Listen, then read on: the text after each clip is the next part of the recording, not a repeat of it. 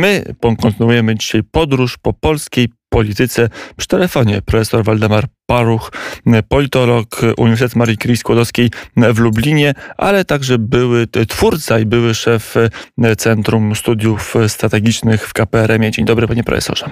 Dzień dobry, witam państwa. Czyli politolog, który politykę tworzył, jakby powiedział inny politolog, który tworzył politykę. Nie wiem, czy to jest dobre porównanie, chyba nietaktowne. Pan doktor Migalski, doktor habilitowany, już latający ornitolog. Stąd ciekawe z panem profesorem są rozmowy, o ile pan profesor się nie obraził za to porównanie, bo mogło być, no e, różnie to może być odebrane. No dobrze, panie profesorze, nowy ład się wykuwa, my szczegółów nie znamy, ale jest pytanie, na ile tego typu e, programy zmieniają politykę, na ile jest tak, że kierownictwo partii siada i mówi, dzięki temu programowi utrzymamy poparcie albo zwiększymy poparcie jeszcze bardziej. Najpierw pierwsza uwaga, panie redaktorze, politologia jest nauką stosowaną. Trudno być politologiem, nie kontaktując się z rzeczywistością polityczną. Proszę sobie wyobrazić profesora medycyny, który by nigdy nie widział pacjenta, nie zajmowałby się e, leczeniem pacjentów. To, są to oczywiście takie gałęzie medycyny, które nie mają bezpośredniego kontaktu z pacjentami, ale z politologią jest trochę podobnie. Politolog, który nie uczestniczy w rzeczywistości politycznej, jest skazany tylko na wiedzę teoretyczną, a ona niekiedy jest wiedzą fałszywą. Ale wracając do istoty. Pan e, profesor jest jedynym politologiem, który w swoim CV ma i bycie profesorem politologii, i byciem szefem Centrum Studiów Strategicznych. Wracając do pana głównego natomiast e, pytania, oczywiście ten nowy mm, e, projekt polityczny, który Prawo i Sprawiedliwość zapowiada od dobrych kilkunastu tygodni, jest konieczny z kilku powodów. Najpierw powodów obiektywnych. Po pierwsze, trzeba będzie wyjść ze skutków społecznych, gospodarczych pandemii, pomijam skutki y, biomedyczne, bo z nich jeszcze nie wychodzimy, to jest kwestia zatrzymania trzeciej fali, potem ewentualnie zablokowania pewnie jakiejś czwartej fali, która gdzieś na horyzoncie się najprawdopodobniej pojawi, jeżeli szczepienia nie przyspieszą, ale mamy także powody natury subiektywnej. Otóż, od um, przełomu 2019-2020 roku obóz Zjednoczonej Prawicy zaczął tracić w sondażach. To wyraźnie pewna inercja, która nastąpiła po wygranych wyborach parlamentarnych, z której potem weszło się od razu w pandemii, różne ograniczenia, gdzie w warunkach pandemicznych bardzo często partie rządzące, mam doświadczenie europejskie, ale także um, amerykańskie, y, tracą i to jest potrzebne nowa dynamika. No i po, i po trzecie, Prawo i Sprawiedliwość słynie jako podmiot polityczny w Polsce, a zwłaszcza prezes Jarosław Kaczyński z tego, że potrafi nie tylko doskonale diagnozować rzeczywistość polityczną, z którą mamy w Polsce do czynienia, ale także posiada tę umiejętność i dynamizowania, czyli narzucania agendy y, debaty i dyskusji politycznej. Od 2015 roku jest w pewnym sensie, jak to mawiano w latach między, międzywojennych, pan, panem pola gry, czyli to on konstruuje debatę publiczną w Polsce i na tym Prawo i Sprawiedliwość wychodziło bardzo dobrze, bo wygrywało wszystkie wybory.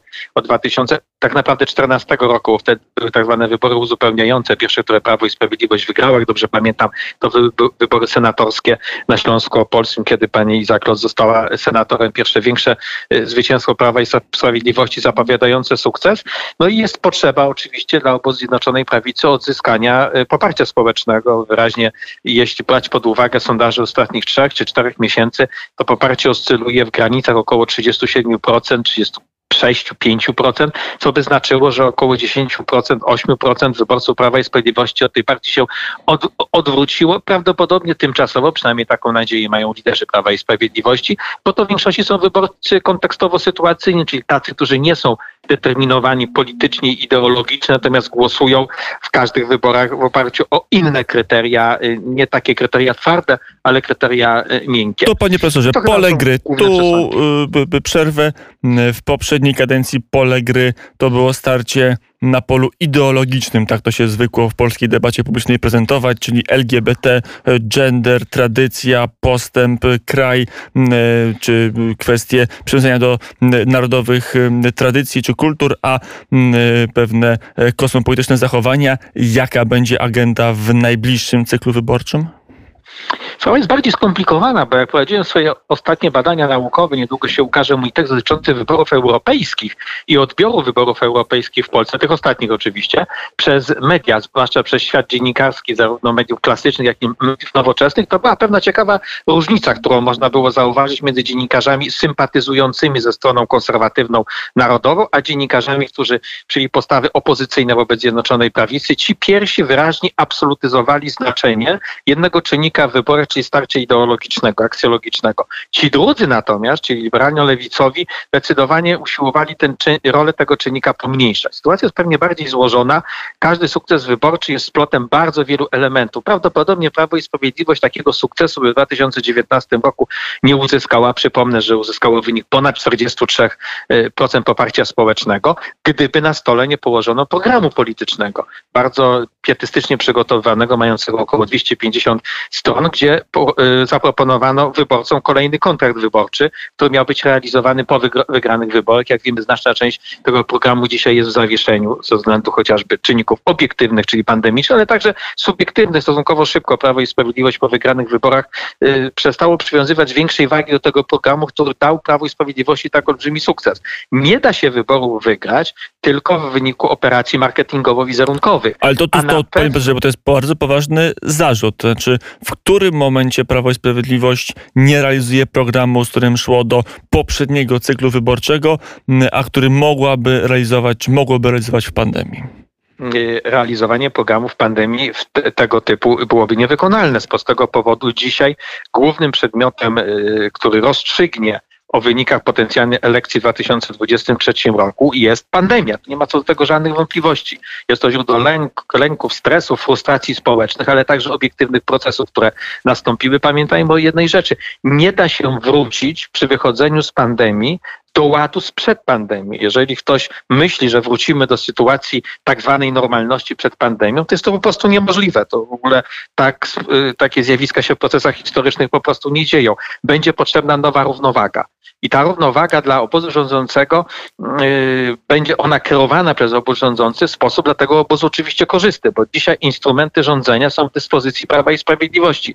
Jak to się potocznie mówi, klucz do gry jest po stronie Prawa i Sprawiedliwości, nie po stronie stronnic lewicowo-liberalnych, stronnic opozycyjnych, które siłą rzeczy ani programu nie przedkładają, ani jakiejś ofensywnej strategii. Ale mają ulice, mogą wyprawiać na ulicę ludzi i mają także tą falę, która idzie z zagranicy, falę buntu czy zmian lewicowo-liberalnych na e, Zachodzie, kwestie rasowe. U nas siłą rzeczy mniej obecne, no ale e, inne są podziały, inne są kwestie, inne są wolności, które można tworzyć i, i różne są zniewolenia, z których można wyzwalać społeczeństwo. Panie redaktorze, ulica i zagranica jako strategia jest realizowana przez Platformę Obywatelską, bo o niej mowa od początku 2016 roku. To wtedy ówczesny przewodniczący Grzegorz Schetyna, przystępując do przejmowania władzy w partii, taką strategię ogłosił. Ona żadnego sukcesu nie przyniosła. Wręcz dalej idąc, spozycjonowała Platformę Obywatelską na poziomie mniej więcej poparcia 28-27%.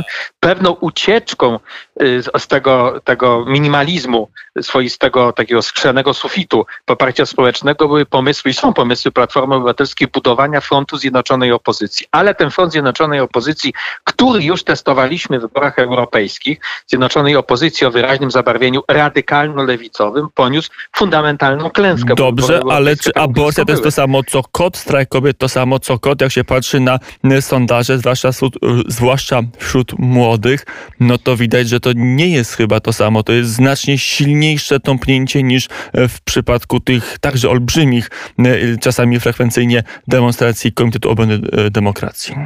Z takim opisem się w zupełności nie zgadzam. Nie zgadzam. Tak zwany strajk kobiet miał być powtórzeniem z eksperymentu zwanego Komitetem Obrony Demokracji, czyli próbą zdestabilizowania tak sytuacji politycznej w Polsce, żeby władza znalazła się na ulicy i żeby wywrócić układ polityczny powstały w wyniku kolejnych wyborów. Przypomnę, że y, pucz sejmowy był mniej więcej rok po wygranych wyborach przez Prawo i Sprawiedliwość i tak zwany strajk kobiet się pojawił znowu rok po wyborach mm, parlamentarnych wygranych przez Prawo, Prawo i Sprawiedliwość. Natomiast to, co czy pan redaktor mówi, żadna partia polityczna, która będzie budowała swoje, swój ewentualny sukces polityczny na poparciu pokolenia 18-24 skończy prawdopodobnie tak jak ruch Kukiz 15, czy też swego czasu ugrupowanie Janusza e, Palikota. Nie da się na trwale zakorzenić na arenie politycznej, bazując tylko na jednym paśmie pokoleniowym, a zwłaszcza paśmie pokoleniowym ludzi e, młodych, którzy wraz upływającym czasem zmieniają swoje poglądy Dobrze, ale to jest chyba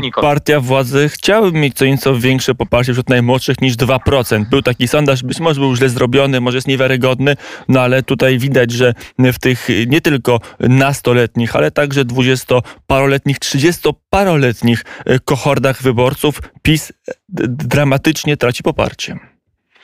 In, Prawo i Sprawiedliwość ma inny problem pokoleniowy, to jest znaczna utrata y, poparcia w pokoleniu 25-39. Przypomnę, to jest to pokolenie, które w 2015 roku dało wygraną pierwszą Andrzejowi Dudzie i pierwszą Prawu i Sprawiedliwości. Beneficjenci programu 500 plus w największej mierze. Oczywiście tak, ale także ci ludzie, których najbardziej dotknęły ograniczenia społeczne związane z pandemią. Proszę zwrócić uwagę, to w tym paśmie pokoleniowym mamy największą ruchliwość społeczną, ruchliwość zawodową, rodzinną, swoistą dynamikę życia, codziennego życia domowego. Jest to pewien czynnik obiektywny, ale jeżeli w 2023 roku wybory będą w warunkach y, y, wzrastających, wzrastającego, wzrastających zysków ekonomicznych, stabilizacji sytuacji społecznej i likwidacji lęków i stresów wynikających z pandemii, sytuacja może się dla Prawa i Sprawiedliwości dość istotnie y, odwrócić. To nie są trendy, które są nieodwracalne. No ale z drugiej strony w tej chwili do Prawa i Sprawiedliwości przy, przy, przylepiła się jednak łatka partii bardzo mocno obciachowej, chyba nawet bardziej niż w roku 2007 w dużych aglomeracjach. Naprawdę trzeba mieć dużo odwagi, aby otwarcie mówić, będąc młodym człowiekiem, się popiera Prawo i Sprawiedliwość. To jest taka, taka taka sytuacja, którą chyba ciężko przezwyciężyć nawet najlepszym programem gospodarczym. A kompletnie się z panem redaktorem nie zgadzam. Taka sytuacja była w 2007 roku, tylko pamiętajmy, że wówczas był jednolity front mediów. Y, tworzył się tak zwany monizm informacyjny. Prawo i Sprawiedliwość poległo w 2007 roku, między innymi z tego powodu, że nie było równowagi medialnej. I w lata 2007-2015 ten monizm informacyjny się utrwalił. Proszę zwrócić uwagę, opozycja liberalno-lewicowa kompletnie sobie nie radzi w warunkach pluralizmu medialnego. No, to jest słynna polityka, y, stosunek polityków Platformy Obywatelskiej do mediów publicznych, to się po prostu gubią w tych mediach, usiłując najczęściej je spacyfikować. Albo zbierając podpisy pod, jej, pod ich likwidacją TVP Info. Nie wiem jak idzie zbiórka, ale kilka dni temu było kilkanaście czy kilkadziesiąt tysięcy podpisów, mniej podpisów niż członków oficjalnie ma Platforma Obywatelska, więc mówiąc wprost, nie jest no, to takie, zbiórka to bardzo hasło, udana. Panie redaktorze, jest kompromitujące. No, trzeba mieć masę masę nieumiejętności politycznych, by z takim hasłem y, wystąpić oficjalnie na konferencjach prasowych. Gościem popołudnia wnet profesor Waldemar Paruch, politolog. E, panie profesorze, to jeszcze wróćmy do tego, e, na jakich polach może grać Prawo i Sprawiedliwość w najbliższym cyklu wyborczym. E, co może Polakom zaoferować? Jakie słowa będzie do wyborców kierować? Pyta pani redaktor o tak zwane lewary wyborcze, bo y, czym innym są obiektywne potrzeby zmian, y, które nie zawsze muszą być nośne y, wyborczo. Chociażby Polska potrzebuje zmian instytucjonalnych, ale na zmianach instytucjonalnych nie wygrywa się wyborów. To byłby precedens historyczny. Wybory się wygrywa na poziomie wzbudzania emocji, czy to pozytywnych na swoją rzecz, czy też negatywnych w odniesieniu do konkurentów No to emocje. Jakimi emocjami będzie grało Prawo i Sprawiedliwość? Mm, mamy kilka tematów na stole, które są obiektywnie wyjątkowo ważne. Po pierwsze, usługi publiczne. Pandemia pokazała niedostatki usług publicznych i one rozstrzygają w dużym stopniu w Polsce stan usług publicznych, jakość usług publicznych rozstrzygają w Polsce o stosunku do państwa. To ten poziom nam wyjaśnia, dlaczego mamy nadal trend y, y, spadku demograficznego kompletnie odróżniający Polaków mieszkających poza Polską od Polaków mieszkających w Polsce. Poza Polską Polacy się demograficznie rozwijają, standardem jest 2 plus 3, w Polsce natomiast standardem jest 2 plus 1 albo 1 plus 1 y, y, małżeństwa, czyli związki y, bezdzietne. Kwestia, kwestia druga, w ramach tych usług publicznych oczywiście służba zdrowia nie da się wygrać najbliższych wyborów w 2023 roku, nie kładąc na stole zasadniczego usprawnienia służby zdrowia. Owszem, to temat wyjątkowo trudny, ponieważ na, na tym temacie przegrywały prawie wszystkie partie, które Polską rządziły, ale pandemia zdecydowanie dopaliła znaczenie tego tematu. Kwestia trzecia to są wolności szeroko rozumiane w sferze społecznej i sferze ekonomicznej. I tu mamy enuncjacje prasowe, kiedy Prawo i Sprawiedliwość zaczyna zapowiadać mm, nieoficjalnie, że będzie y, podniesienie kwoty wolnej od podatku, że będzie reforma systemu podatkowego, y, że będą w tej materii, y, w tej materii zmiany. O tyle one będą istotne, o ile będą adresowane do dużych grup społecznych, to po pierwsze, i po drugie do grup społecznych, które tworzą żelazny elektorat Prawa i Sprawiedliwości. To nie jest tak, że za pomocą zmian podatkowych czy ekonomicznych można pozyskać pokolenie chociażby 18-24. Tu twarde oferty ekonomiczne nie będą efektywne, efektywne e, wyborczo, Chociaż... bo mając 19 czy 20 nie rozumuje się w taki sposób. No, chociaż byli chyba tacy politycy w partii rządzącej, którzy tak rozumowali, stąd pomysł chyba z punktu widzenia podatkowego dość kuriozalny, żeby być idiotyczny o zerowym picie dla młodych.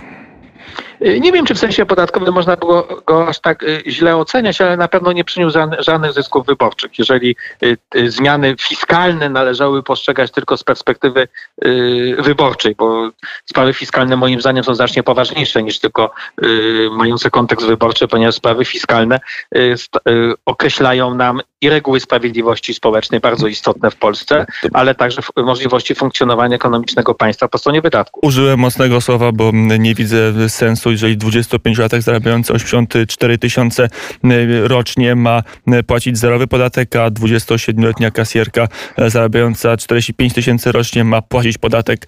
Ja tego systemu i tego pomysłu po prostu nie rozumiem i wydaje mi się, że jest po prostu idiotyczny, ale to może to, co jestem młody, to mam taką radykalną lekkość ocen. Panie profesorze, to jeszcze wróćmy. Taki temat jak na przykład walka z korporacjami. Australijski rząd zrobił karierę globalną na walce z Googlem i Facebookiem. To jest pole starcie, które może być dla Polaków seksy, ale także pożyteczne dla rządu, czy, czy Polacy nie rozumują w ten sposób? Co jest bardziej złożona, ponieważ mamy dwa aspekty. Po pierwsze, w ramach sprawiedliwości społecznej potrzebny byłby podatek od korporacji, tylko jest kwestia druga. Czy jesteśmy w stanie w ramach granic państwa polskiego i mocy stanowienia prawa przez Sejm ustanowić takie prawo, które będzie egzekwowalne? Nie ma nic gorszego jak stanowienie prawa, którego nie można wykonać, natomiast walka z korporacjami ograniczona tylko do jednego państwa i to państwo o średnim potencjale, takowym jest Polska, nie, może nie przynieść oczekiwanych y, y zysków, czy to finansowych, czy też zysków politycznych. To jest pytanie, czy w tą stronę pójdzie Unia Europejska. Jestem tutaj raczej pesymistą. Unia Europejska nie jest w stanie efektywnie podejmować ważnych decyzji, jeśli chodzi o stymulowanie procesów gospodarczych, a na pewno jeśli chodzi o budowanie, rozszerzanie obszaru wolności. Unia Europejska od wielu lat zawęża y, wolność na kontynencie europejskim. A na ile jest tak, że Prawo i Sprawiedliwość jest y, zdolne wygrać wybory bez realnej idei? Taką ideę można ją różnie oceniać, ale mają partie lewicowe, mają gender, mają LGBT, mają e, walkę z rasizmem, cały konglomerat mniej lub bardziej mądrych haseł i postaw, ale mają, e, Prawo i Sprawiedliwość ma jakąś ideę przewodnią, ma e, coś, co może wziąć na sztandary. Nie da się wygrać w Polsce wyborów w 2023 roku na żadnych hasłach i ideach radykalnych, bo tu pan przywołał radykalizm lewicowy, mamy w Polsce także radykalizm prawicowy. Owszem, to może dać poparcie około 10%. Proszę zwrócić uwagę, sondaże pokazują poparcie lewicy na poziomie 10% i poparcie Konfederacji na poziomie 6-7% przy y, y, stanach wyższej mobilizacji, no niekiedy było 8-9% poparcia, to jest w Polsce, w polskich warunkach dzisiaj przejaw radykalizmu z jednej strony, radykalizmu z drugiej strony. To nie znaczy, że wybory się wygrywa ofertą centrową. To też tak nie jest. Wybory się wygrywa ideą, która jest społecznie nośna, ale pod warunkiem, że ona powstaje w wyniku prawidłowej diagnozy nastrojów społecznych.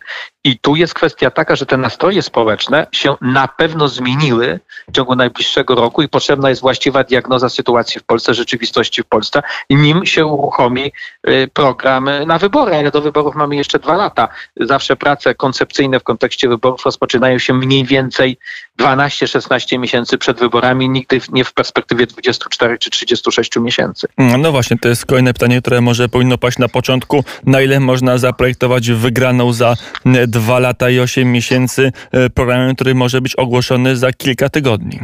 Nie da się zaprojektować, ponieważ nie wiadomo, jak głęboki będzie kryzys. Bardziej bym postrzegał ten program, który zostanie wyłożony w ciągu najbliższych tygodni w kategoriach wyjścia z pandemii, bo bez udanego wyjścia e, z pandemii nie będzie można wykonać kolejnego ruchu, czyli ogłosić programu na wybory.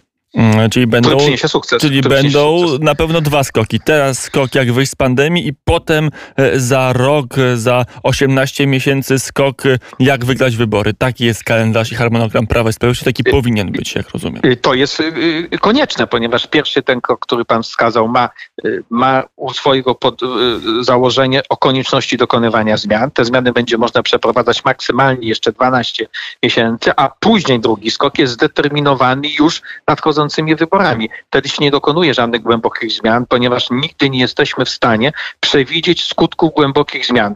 W naukach społecznych, a na pewno w politologii to nie jest tak, że możemy budować wiedzę typu matematycznego, czyli 2 plus 2 równa się 4. Tak w naukach społecznych nie ma. To jeszcze na koniec opozycja jest w takiej sytuacji, że wystarczy jej nic nie robić i czekać, aż pandemia, protesty społeczne, kwestie aborcji będą podkopywać poparcie dla Prawa i Sprawiedliwości i władza sama spadnie w ręce Borysa Budki albo Szymona Hołowni albo kogoś bądź innego. Pewnie byłoby to wykonalne, gdyby nie zdolność Prawa i Sprawiedliwości kreowania procesów społecznych. Tutaj, jeżeli opozycja liberalna przyjmie taką postawę i będzie ją utrzymywała do roku 2023, na pewno władzy w Polsce nie przejmie, bo trzeba zdecydowanie doceniać zdolności kreowania dynamiką społeczną w Polsce przez prezesa Jarosława Kaczyńskiego. Jak znam pana prezesa, y, pan prezes nie zaakceptuje stanu degrengolady czy też y, niezmienności Y, tego, co w Polsce y, zaistniało w ciągu ostatnich miesięcy, na pewno będzie dynamizował sytuację polityczną w Polsce. Mm, Szymon Hołownia, projekt, który można traktować jako coś sezonowego i mało poważnego, czy jednak coś, co przetrwało pierwsze próby czasu i staje się poważnym graczem, czy stałym graczem na polskiej scenie politycznej?